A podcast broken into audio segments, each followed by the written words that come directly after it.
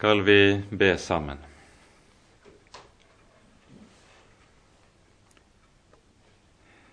Ja, kjære gode Herre, vi takker og lover deg for all din nåde og for all din miskunnhet imot oss. Takk, Herre, at du som er vår Gud og vår Far, har villet bøye deg til oss og ta deg av oss. Takk, Herre, at du ikke sparte ham som er din elskede, men ga ham for oss alle, for at vi i ham skal eie hele din nådes fylde og rikdom. Herre, nå ber vi deg at du vil sende din gode Hellige Ånd og være hos oss denne kvelden, og at du vil åpenbare ordet ditt for oss, så vi kan få se lys i ditt lys. Herre, du vet hva hver enkelt av oss trenger til. Vil du, Herre, komme og ta deg av oss slik du ser vi behøver det, for at vi må få og ha det vi trenger for å leve hos deg og bli bevart til enden. Herre, kom. Herre, forbarm deg over oss. Amen.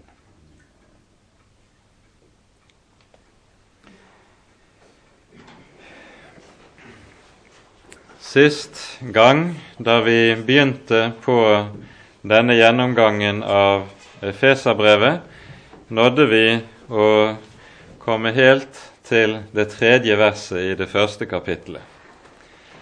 Og eh, vi har håp om at vi kanskje skal klare å nå ett vers til i kveld. Vi får se. Eh, det som eh, er innholdet i særlig det tredje verset, slik som vi pekte på det, var jo hvordan Gud har gitt oss en uendelig fylde av nåde, rikdom og velsignelse i sin kjære Sønn. Og hvorledes et kristent menneske slik eier alt i Jesus. Og vi understreker igjen vi eier alt i Jesus. Vi kunne kanskje få lov til å minne om det som sies i innledningen til Johannesevangeliets første kapittel, der det sies av Hans fylde har vi alle fått, og det nåde over nåde.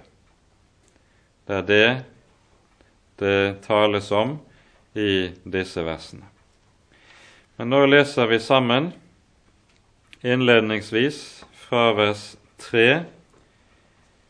eh, til og med vers 10.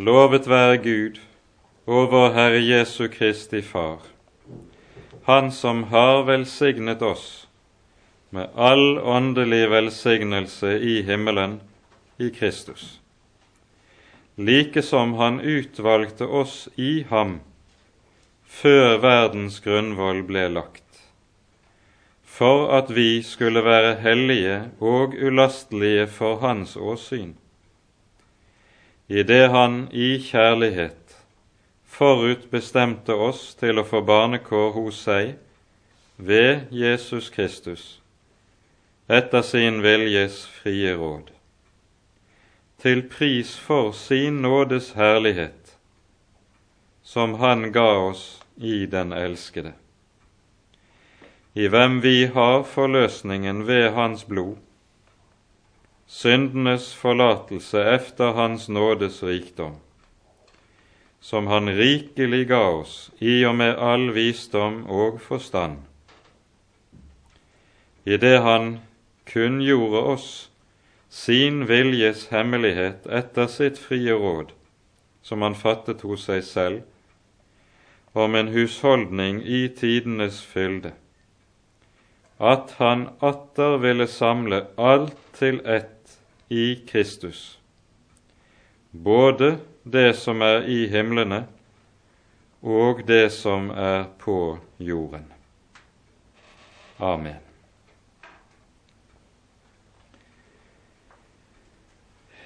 Det vi særlig skal konsentrere oss om nå i dag, det er det vi hører i, fra vers 4 til og med vers 6.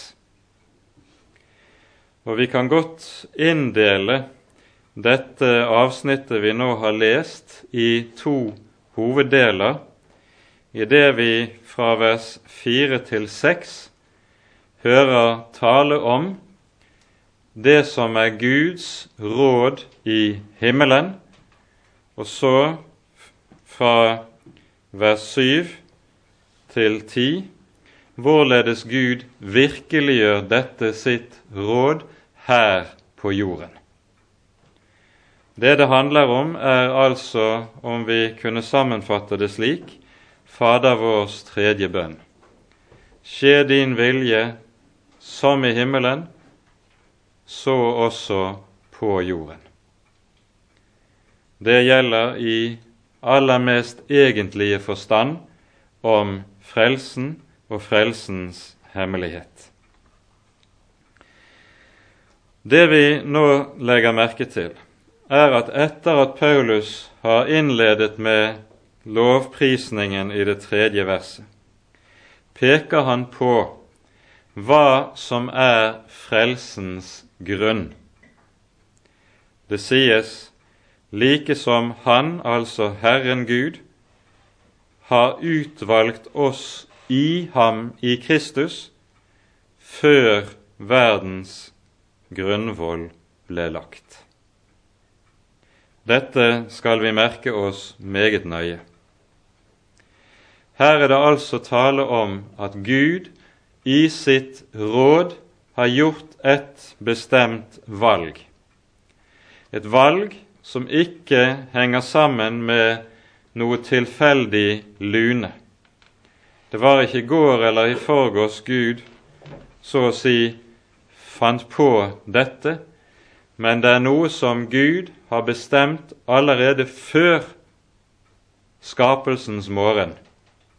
Og dermed forstår vi at det som her sies, det beskriver også det som er hensikten med selve skapelsen av universet. At Gud har utvalgt oss i Kristus, det er det som er hovedgrunnen til hele skapelsen av universet, slik det fremtrer av Guds hånd i Første Moseboks første kapittel. Her sies det videre at Gud har gjort et valg, en utvelgelse. Og denne utvelgelse, den har han lenket til sin sønn.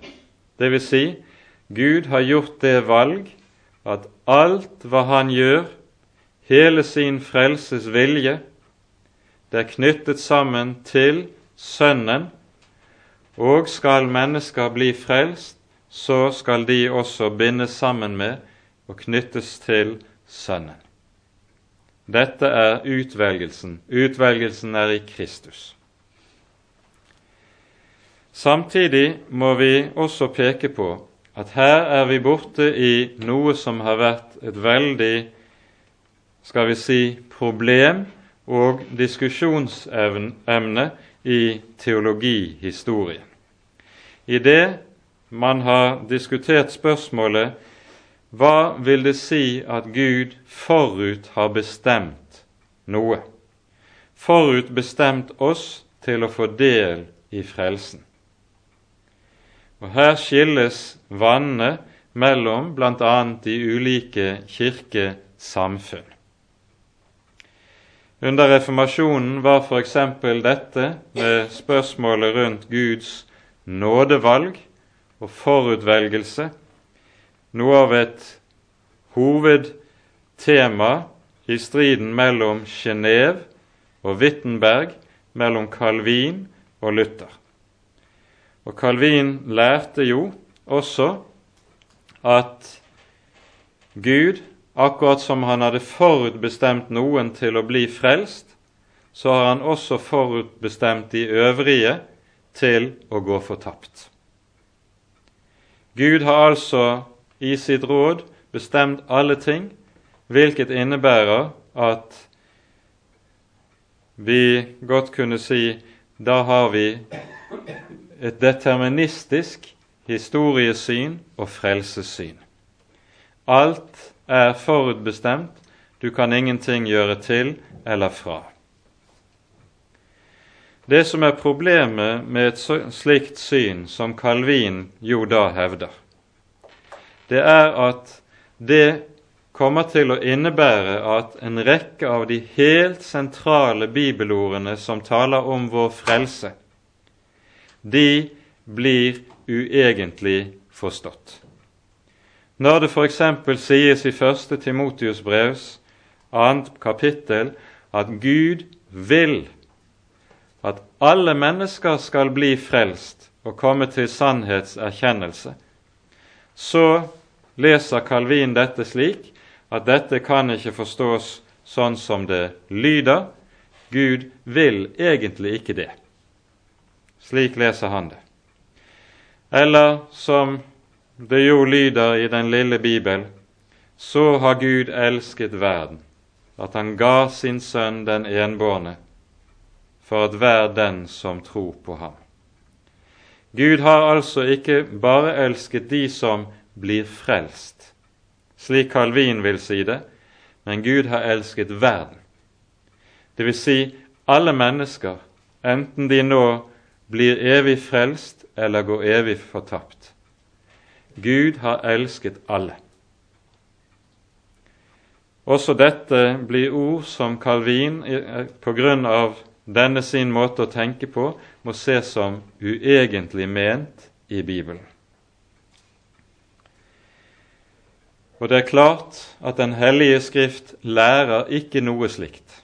Den lærer overhodet ikke at Gud har forutbestemt en del mennesker til fortapelse. Tvert om menes det helt bokstavelig og absolutt det som sies. Gud vil at alle mennesker skal bli frelst og komme til sannhetserkjennelse. På motsatt side har du det annet syn, som hevder som så at hele frelsen, den hviler ensidig på menneskets vilje. I tråd med dette tenkes og læres det da at mennesket har fri vilje, og at det da er opp til det enkelte menneskets egen viljesbestemmelse om det skal bli frelst, eller om det skal gå fortapt. Denne lære om den frie vilje vil du f.eks. finne innen bl.a. den retning i Oldkirken som kaltes for pelagianismen, som har navn etter en irsk munk som lærte meget sterkt dette med viljens betydning i frelsen. I meget av det som gjerne gjelder for omvendelsesforkynnelse i våre dager, så får vi jo også stadig høre om den frie vilje. Men her er det også slik at heller ikke dette stemmer med Den hellige Skrift. Mennesket har nemlig fri vilje kun før syndefallet. Det som skjer med mennesket i og med syndefallet, er at hele menneskets vesen berøres av og gjennomsyres av fallet. Fallet berører ikke bare menneskets følelsesliv, slik at mennesket får onde lyster har lyst til det onde. Men fallet berører også alle andre sider ved menneskets vesen. Det berører menneskets tankeliv, slik at mennesket ved sin tanke er ute av stand til å nå Gud og finne Gud. Intellektet hjelper oss ikke ett skritt nærmere Gud. Det er hele verdens filosofihistorie et eneste langt skoleeksempel på. Og likeledes gjelder det menneskets vilje. Menneskets vilje er også skadet, ødelagt, influert av fallet. I den betydning at mennesket, om det vil vende seg til Gud, så kan det ikke av seg selv, hvor meget det enn vil streve.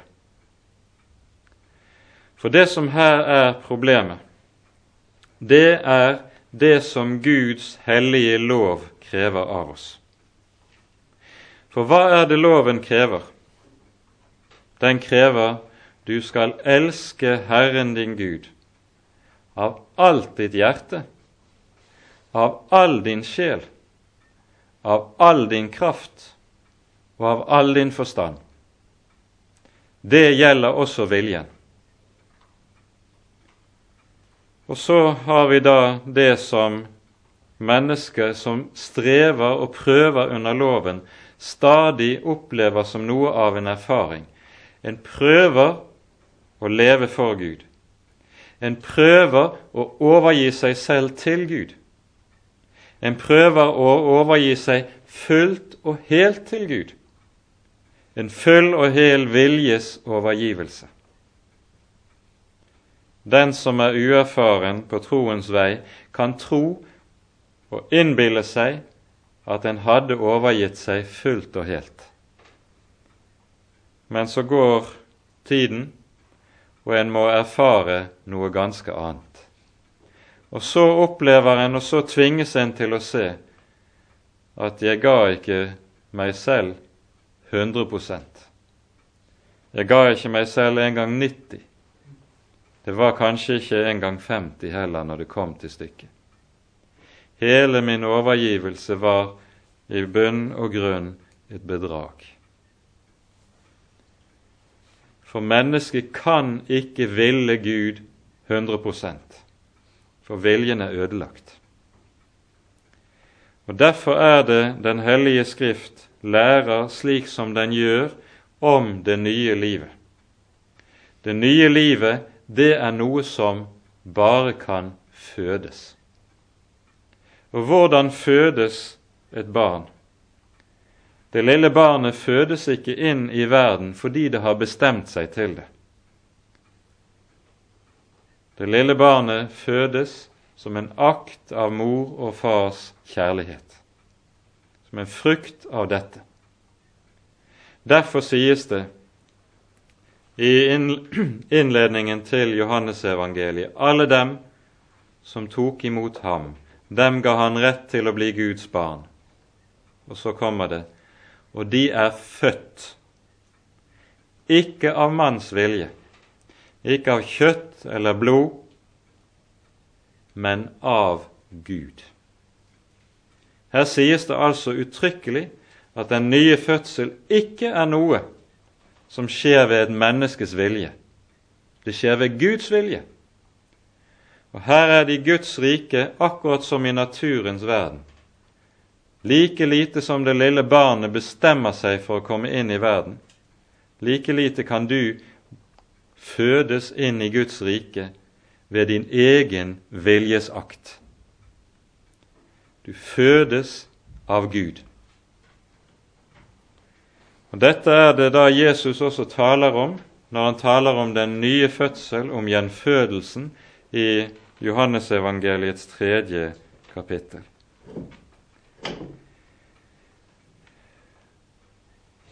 Hvorledes er det da gjenfødelsen skjer og virkeliggjøres? Det sies også veldig klart fra Jesus' side i Johannes 3 uten at noen blir født av vann og ånd, kan han ikke komme inn i Guds rike. Et menneske som skal frelses, det frelses ved å bli gjenstand for Guds gjerning. Og hvorledes er det Gud gjør sin gjerning? Jo, gjennom nådens midler. Vannet i dåpen, Ånden i Ordet.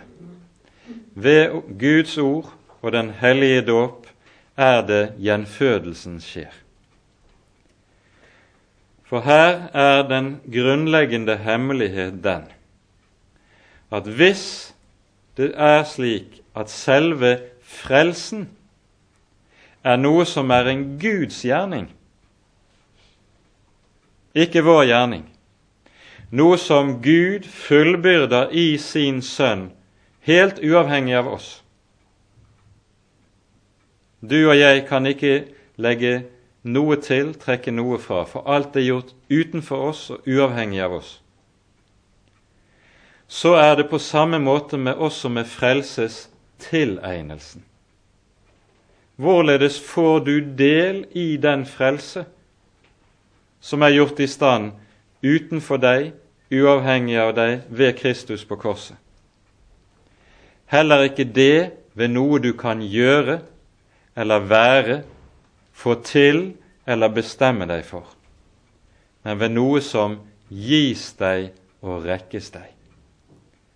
Gis deg og rekkes deg gjennom nådens hellige midler, i dåpen og i Ordet.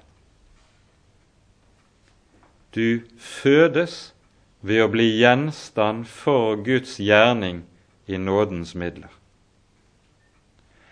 Og slik er det Gud virkeliggjør sin evige utvelgelse til frelse. Det er en utvelgelse som er i Kristus, og denne utvelgelse i Kristus møter vi, får vi del i gjennom nådens midler. I ordet, i dåpen og til vekst i kristenlivet i den hellige nadvær. Her er det Gud selv gjør, virkeliggjør sin utvelgelse. Når da fedrene skulle sette dette på en enkelt søm, så sa de det på det vis at et menneske kan ikke si ja til Gud, men det kan si nei til Gud. Vi kan forherde oss mot Gud. Vi kan forherde oss mot nådens midler og si 'Jeg vil ikke bruke dem'. Jeg vil holde meg vekke fra Guds hus og forkynnelsen av Guds ord. Det mennesket som gjør det, det undrer seg selv fra Guds utvelgelse og fra Guds nåde. Men så sant jeg hører Herrens ord, så kan Herren gjøre sin gjerning hos oss og i oss og med oss. For det er i ordet Gud gjør sin gjerning. Det å bli en kristen, det handler nemlig om dette, at du og jeg er passive, mens Gud er den aktive. Han er den som handler ved sitt ord og ved sin ånd for å frelse. Og når apostelen taler som han her gjør, så skal vi være oppmerksom på at dette taler han for å vise oss det som er den egentlige trøstegrunn for oss som kristne. For stadig på ny så vil en kristen kunne komme i den nød at han må spørre seg selv hva hviler mitt barnekår egentlig på? Hvis det skulle hvile på min bestemmelse, hvis det skulle hvile på noe jeg har gjort, noe jeg er, så bygger det på sand. Det holder nemlig ikke. Det vet den som har noe åndelig erfaring. Det holder ikke hvis det hviler på meg. Det hviler på det Gud er og det Gud har gjort i sin sønn. Og det Gud har gjort, det er noe som altså ikke er et tilfeldig lune, men noe som han har bestemt allerede før verdens grunnvoll ble lagt. Før verdens grunnvoll ble lagt, så han deg i sitt råd, i sitt hjerte, og tenkte, du skal ha del i min frelse, i min elskede sønn. Så blir du altså ikke frelst fordi du selv vil av et fullt og helt hjerte. For det vet du, det klarer du aldri. Men du blir frelst fordi Gud vil av et fullt og helt hjerte. Hos Han er det ingenting som er delt. Det er ingenting som er halvt eller stykkevis. Der er det fullt og helt. Der står det. Og det Han har bestemt, det gjør Han også, det fullfører Han også. Når vi derfor hører det her sies Han utvalgte oss i ham før verdens grunnvoll ble lagt, så skal du vite det er grunnvollen for ditt barnekår. Det står like fast hvordan du enn føler deg, hvordan du enn har det. Det vedrører ikke saken. Om himmel og jord forgår, det rokker ikke ved dette, for dette var bestemt før himmel og jord ble til. Det hviler på hva Gud har bestemt, hvilket råd han har fattet i sitt hjerte fra evighet av. Så godt festet er vårt håp. Dette er det også apostelen Paulus kommer inn på i Romerbrevet i det åttende kapittel, der vi leser slik ifra vers 28.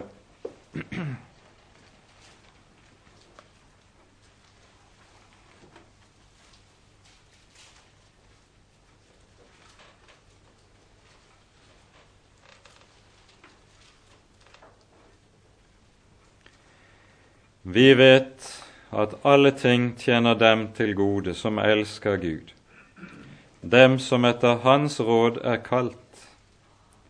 For dem som Han forutkjente, dem har han også forutbestemt til å bli likedannet med Hans Sønns bilde, for at han skulle være den førstefødte blant mange brødre.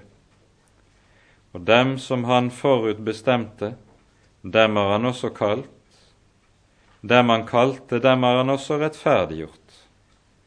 Og dem han rettferdiggjorde, dem har han også herliggjort. Hva skal vi da si til dette? Er Gud for oss, hvem kan da være imot oss?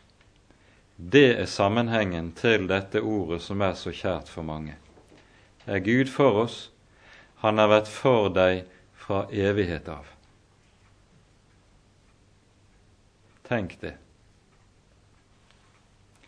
Dette er da også grunnen til at Han som er Herre i Skriften, bærer et bestemt navn. Han heter Klippen. Hos Han er det ingenting som er usikkert. Hos Han er det ikke noe kanskje eller muligens. Hos Han står det fast, og det råd Han har fattet ifra evighet, det sørger Han også for å gjennomføre inntil enden.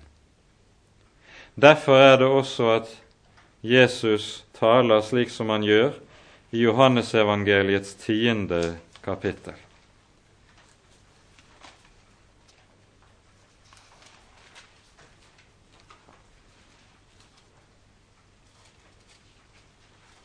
Vi leser vers 27 til og med vers 30. Mine får hører min røst, og jeg kjenner dem, og de følger meg. Og jeg gir dem evig liv, og de skal aldri i evighet fortapes, og ingen skal rive dem ut av min hånd. Merk det, ingen skal rive dem ut av min hånd. Min Fader som har gitt meg dem, er større enn alle, og ingen kan rive dem ut av min Faders hånd. Jeg og Faderen, vi er ett.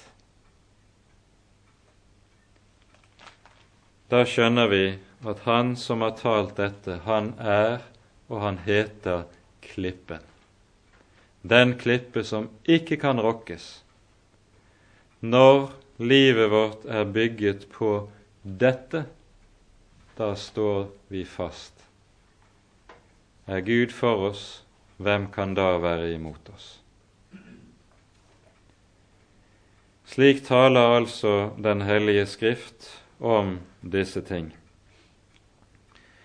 Og vi kunne godt minne om her en liten sånn mer anekdotisk sak, kanskje, som kommer fra jødisk skriftutleggelsestradisjon. Der stiller man seg spørsmålet når det gjelder Første Mosebok 1.1, der vi leser i begynnelsen skapte Gud himmel, himmelen og jorden. Og så spør man hvorfor skapte Gud himmelen først og ikke jorden først? Jo, svarer de, fordi enhver byggmester må alltid gjøre det på det vis at han legger grunnvollen først, og så huset etterpå. Himmelen er grunnvollen. Guds råd i himmelen er grunnvollen for alt annet. Og så kommer det som er hos oss på jorden etterpå. Han er klippen. Fullkomment er hans verk, sier Skriften. Her i det fjerde verset i Efeserbrevet 1, som vi nå har sett på, rommes det altså usigelig mye. Og det som vi hører her, det er ikke bare hva som er nådens grunn, nemlig Guds råd, men vi hører også hva som er nådens formål. Det sies for at Det som er Guds hensikt med å rekke og gi oss sin nåde, utvelge oss i Kristus for at vi skal likedannes med Hans bilde. Hva er det? Jo, vi skulle være hellige og ulastelige for Hans åsyn. Dette er Guds hensikt. Gud har utvalgt og dannet seg et folk for sitt navn. Og det som gjelder om dette folk, er at det er det samme som gjelder dette, som gjelder Han som er dets herre. En hellig Gud har et hellig folk. Hvordan dette folk helliges, det sier også Skriften meget om. Men vi noterer oss det allerede i innledningen til brevet. I det første verset så sa Paulus slik. Han skriver til de hellige i Efesos. Hvordan er de blitt hellige? Jo, det sies i neste setningen ved troen på Kristus Jesus.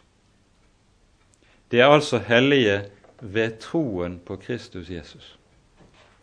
Slik er det den levende Gud helliger seg et folk for sitt navn.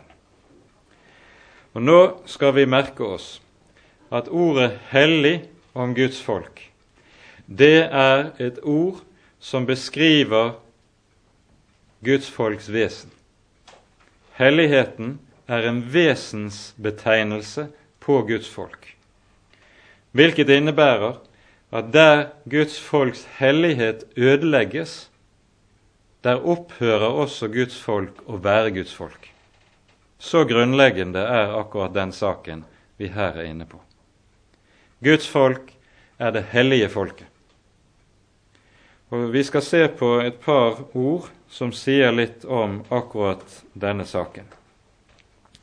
Vi leser først ifra 2. Moseboks 19. kapittel.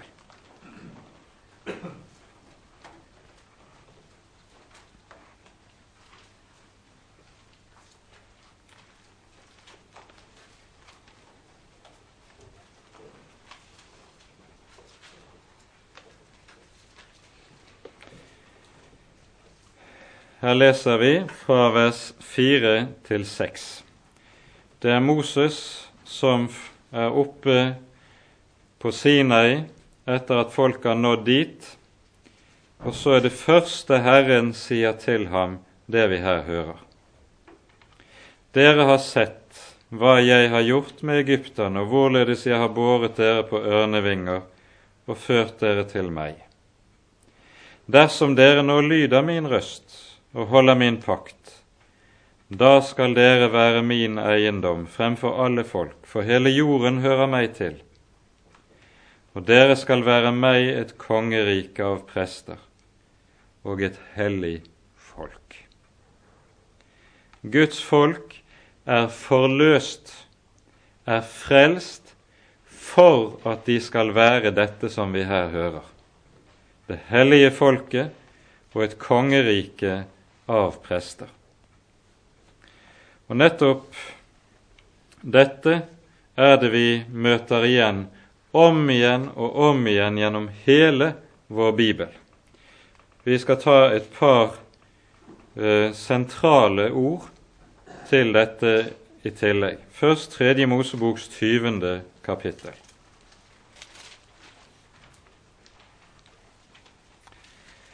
Her i dette avsnittet av Tredje Mosebok er vi inne i det som gjerne kalles for hellighetsloven, der Gud gir bestemte lover for folket for å verne om dets hellighet. På ny og på ny sies det til folket dere skal ikke gjøre således som hedningene gjør.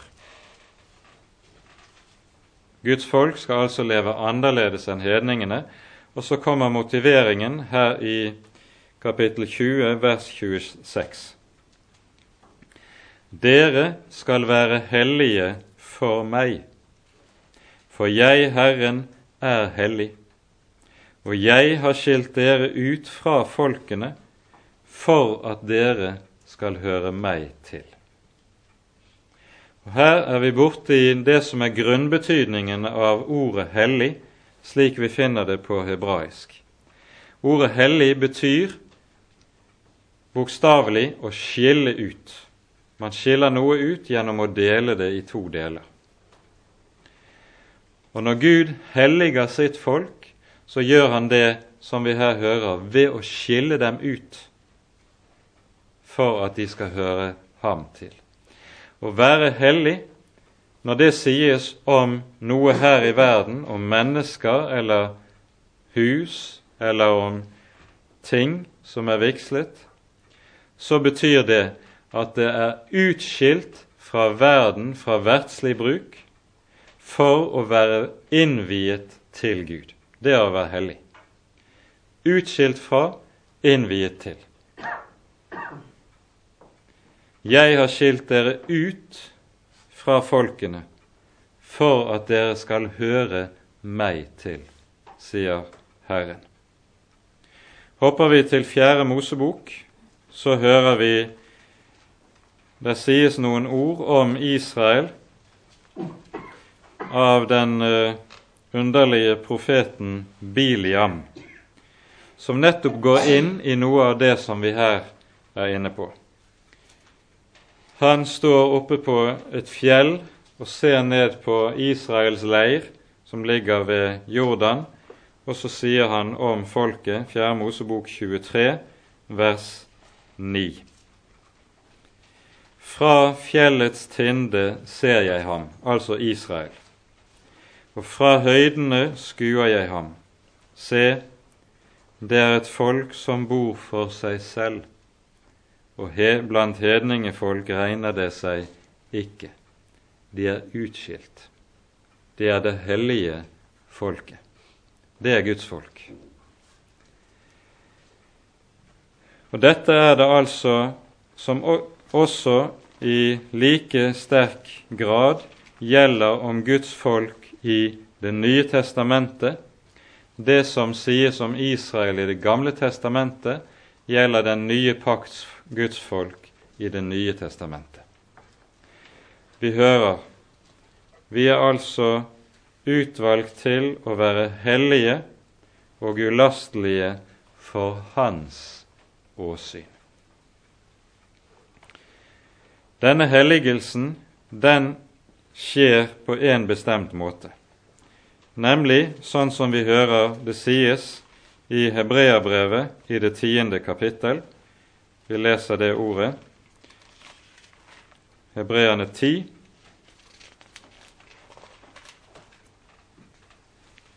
Vers 14.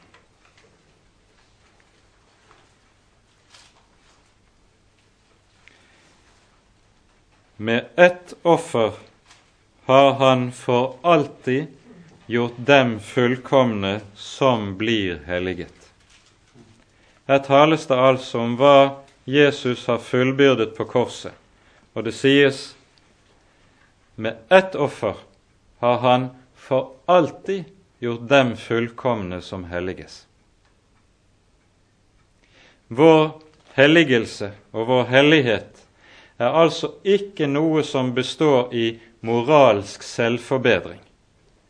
At vi under loven prøver å stramme oss opp til å bli annerledes og bedre mennesker. Nei, helligelsen er noe som skapes og virkes ved Jesu død på korset. Der sones synden, der utvirkes syndenes forlatelse, der skapes grunnlaget for den nye fødsel til at vi kan bli rettferdiggjorte og helliggjorte i Kristus. I Kristus. Denne hellighet er nemlig ikke noe vi har i oss selv, vi eier den i Jesus. Det er Jesus som er vår hellighet. Det er det som er poenget. Og vi er utskilt for å tilhøre Jesus. Derfor er vi også hellige. Det er det det er tale om i denne sammenheng. Og Nå skal vi legge merke til at det også sies vi skal være hellige for Hans åsyn. Sannelig, det er noe av et under, det. For hvordan ser du ut i dine egne øyne? Hvis du ser på deg selv, måler deg selv og vurderer deg selv, er du hellig? Det du ser hos deg selv, er fint lite hellighet. Men her sies det at vi er hellige for Guds åsyn, i Hans øyne.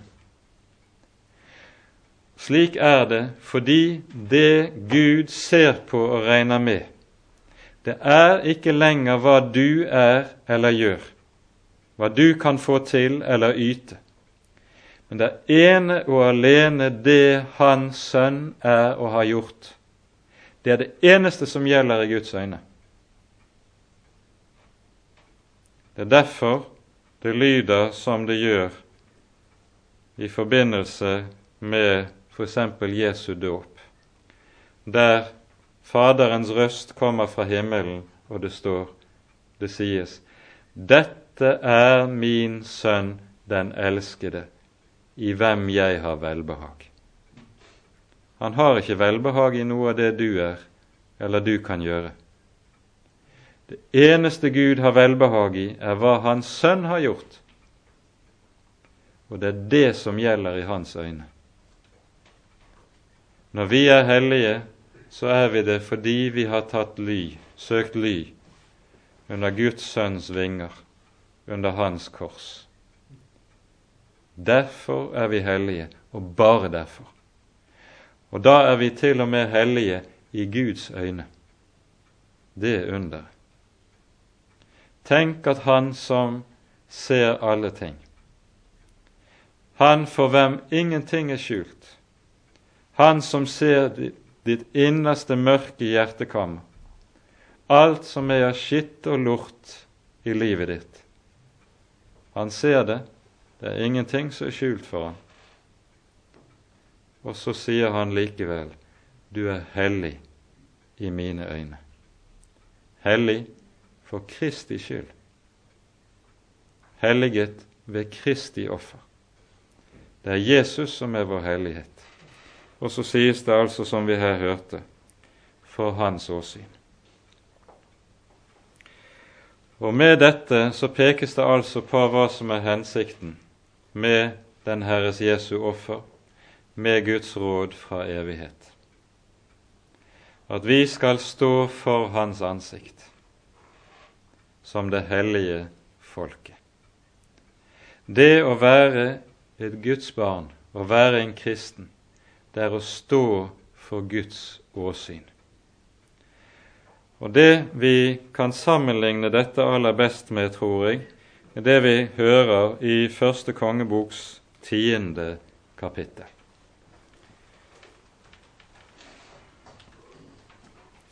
Det vi hører om i dette kapittelet, er når dronningen av Saba kommer for å gjeste Salomo.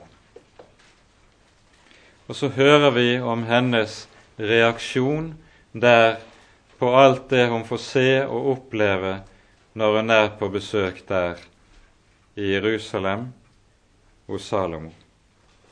Vi leser fra vers 4. Første kongebok 10 fra vers 4.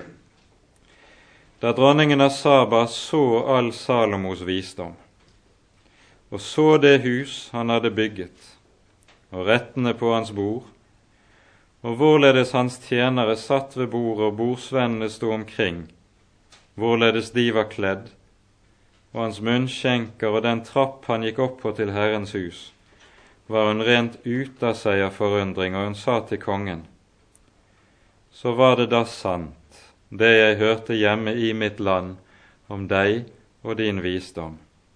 Jeg trodde ikke det de fortalte, før jeg kom og fikk se det med egne øyne. Men nå ser jeg at de ikke har fortalt meg halv, halvdelen. Du overgår i visdom og lykke det ryktet jeg hadde hørt. Lykkelig er dine menn. Lykkelige er disse dine tjenere som alltid står for ditt åsyn og hører din visdom. Dette er Guds folks kår. Vi står som de som er lykkelige over å få være ved kongens bord, høre hans visdom, ha del i hans herlighet. Det er intet mindre. Utvalgt for å være hellige og ulastelige for hans åsyn. Utvalgt med andre ord til å være de som har adgang inn for den levende Guds trone og stå for hans øyne. Lykkelige er disse dine tjenere, som står for ditt åsyn og dag etter dag hører din visdom. Det gjelder oss som Guds folk. I det vi her hører, ligger også det som vi leste fra 2. Moseboks 19. kapittel, der det ble sagt at Guds folk skulle være et kongerike av prester. For hva var det som var kjennetegnet på prestene i Det gamle testamentet? Det er et spesielt verb som brukes i hebraisk for å beskrive det som skiller prestene fra alle de andre i folket. Presten er den som har rett til å tre Herren nær. Det er ordet som brukes. Og det sies uttrykkelig, gjentatte ganger i Moseloven, dersom en fremmed, som altså ikke er vigslet til prest, kommer nær. Da skal han dø. Men presten har altså den forrett at han får lov til å tre Herren nær, komme inn for hans åsyn i hans helligdom. Dette er hva som ligger i det vi her hører i det fjerde verset. Vi skulle være hellige og ulastelige for Hans åsyn. Vi hører med til det hellige folket, som har fått tre Herren nær, og dermed blitt prester for hans åsyn i helligdommen. Vi kan ikke forlate dette verset før vi peker på det som står i Johannes' åpenbarings syvende kapittel. For her samles det hele likesom i en fylde og en sum.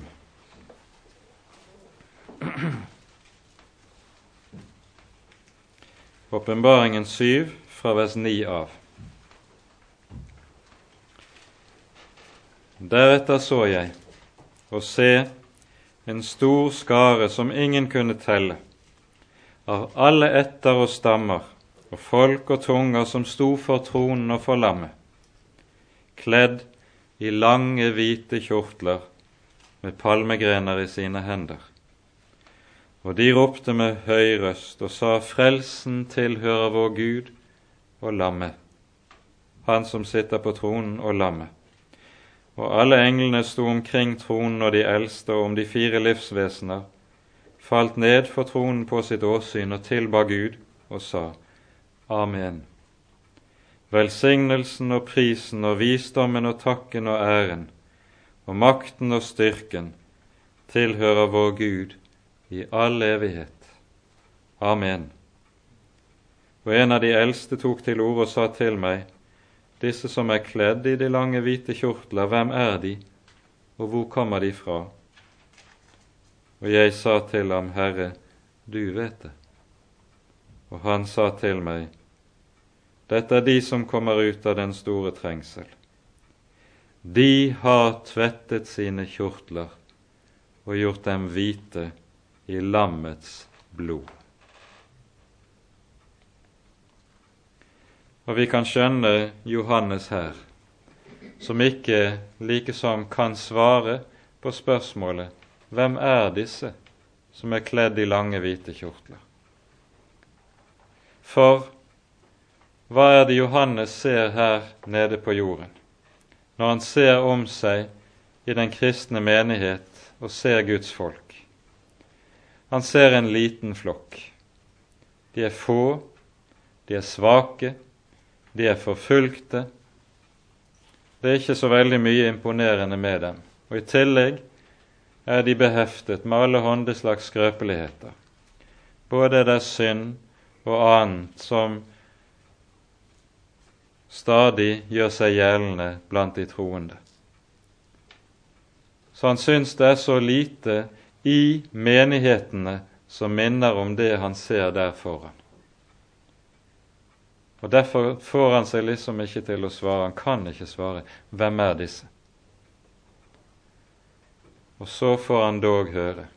Det er de som har tvettet sine kjortler og gjort dem hvite i lammets blod det som ser så smått og så skrøpelig ut her nede.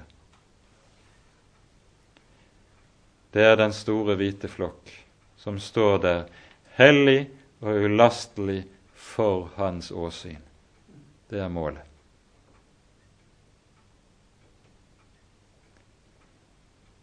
Og så skal vi lære ikke alltid å bare se på det og regne med det vi ser med våre øyne men lære å regne med det som Herren har sagt og lovet i sine ord. Så hører vi apostelen gå videre i det femte verset. I det han i kjærlighet forutbestemte oss til å få barnekår hos seg, ved Jesus Kristus, etter sin viljes frie råd. Her understrekes det meget sterkt at det Gud, det råd Gud har fattet hos seg selv, det var et råd i fullkommen frihet. Gud sto ikke under noen tvang, ikke under noen påvirkning, ikke noe som drev ham. Dersom han hadde villet, så kunne han latt være både å skape og å frelse men han har gjort begge deler. Hvorfor? Det står i kjærlighet har han forutbestemt. det som er grunnlaget for at Gud har gjort det han har gjort, både i skapelse og i frelse, det er Guds kjærlighet. Spør du etter hva er grunnen til at Gud har elsket? Hva er grunnen til at han har elsket mennesket? Hva er grunnen til at han elsker sin skapning? Så svarer Skriften meget tydelig det er ikke fordi han finner noe som er elskverdig hos oss, noe han kan bygge sin kjærlighet på. Nei, han elsker ene og alene av én grunn at han er den han er. Og hva er han? Vi leser i 1. Johannes brev i det fjerde kapittelet.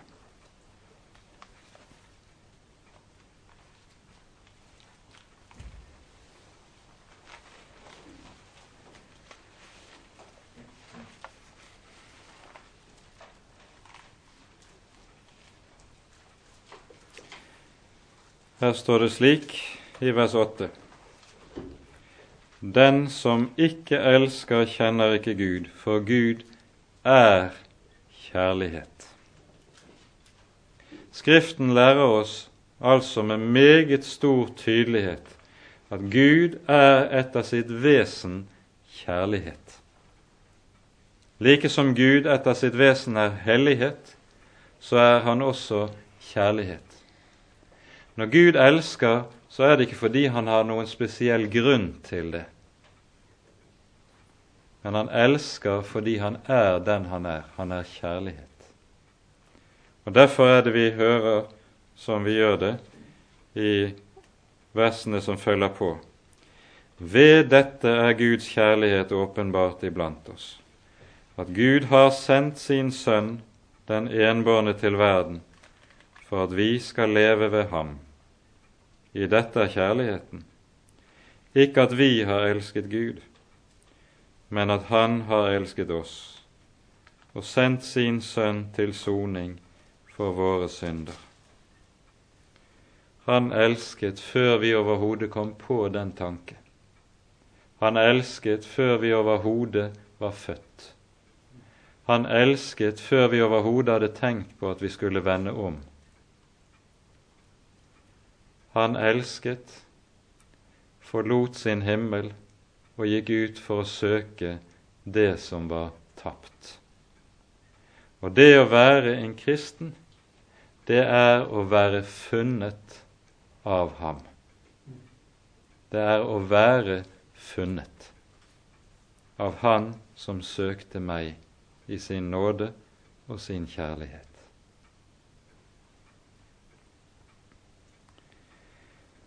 Så tales det her om barnekåret. Det rekker vi ikke å gå videre inn på i dag. Vi skal komme tilbake til det senere. Men vi merker oss hva som lyder til slutt i vers 6, som vi slutter av med i dag. Til pris for sin nådes herlighet, som Han ga oss i den elskede det som er noe av Guds folks kjennetegn og vesenskjennetegn, hva er det? Det er det folket som synger Herrens pris. Det er det folket som synger den nye sangen. Det er det folket som det altså sies om i åpenbaringsbokens 14. kapittel, der det lyder Ingen kunne lære den nye sangen uten de utvalgte. Det sies altså uttrykkelig takk, Det sies altså uttrykkelig at den nye sangen er noe som hører til som et særlig kjennetegn for de som hører Herren til. Av denne grunn er det også slik at sangen er noe som alltid har fulgt Guds folk. Guds folk er et syngende folk. Og Det som kjennetegner denne sangen, er at den har det med seg som vi hører på markene utenfor Betlehem julenatt. Ære være Gud i det høyeste, og fred på jorden blant mennesker som har Guds velbehag. Legg merke til det som sies i denne sangen. For for det første, hvem er det som synger denne sangen? Det er englene som synger fra himmelen. Det er englenes sang som kommer fra oven. Hvorfor synger de? De synger på grunn av den levende Gud har bøyet seg ned, kledd seg i kjøtt og blod og blitt oss lik. Gud har steget ned i det lave, i det dype. Og så synger himmelen for den Gud som bøyer seg ned i det dypeste. Den sangen begynte der, men har fra den dagen av vært det som kanskje er det særlige kjennetegnet på Guds folk her i tiden. For Guds folk er det folket som stemmer i. Englene sang fore. De sang, slo an tonen som lød fra oven og så får de svar av oss fra neden, som var her i det dype, som ble frelst fra nøden, fra døden og fra fordervet. Og så er det dette som er sangen, som lyder for tronen, og slik vi finner gjenklangen av det bl.a. i Åpenbaringen 7, som vi leste. Det er englenes myriader som synger sitt ære være og så den frelste skare som stemmer i. Ære være. Velsignelsen og prisen og makten og æren tilhører vår Gud, Han som sitter på tronen og lammet. For dette er Guds folks vesentlige kjennetegn, og det er derfor også det fra den første kristne tid har vært slik at englesangen fra Betlehem har lydd som en fast del av den kristne gudstjenesten. Og her finner vi uttrykk for, og samlet i en sum, det som er den kristne menighets gjensvar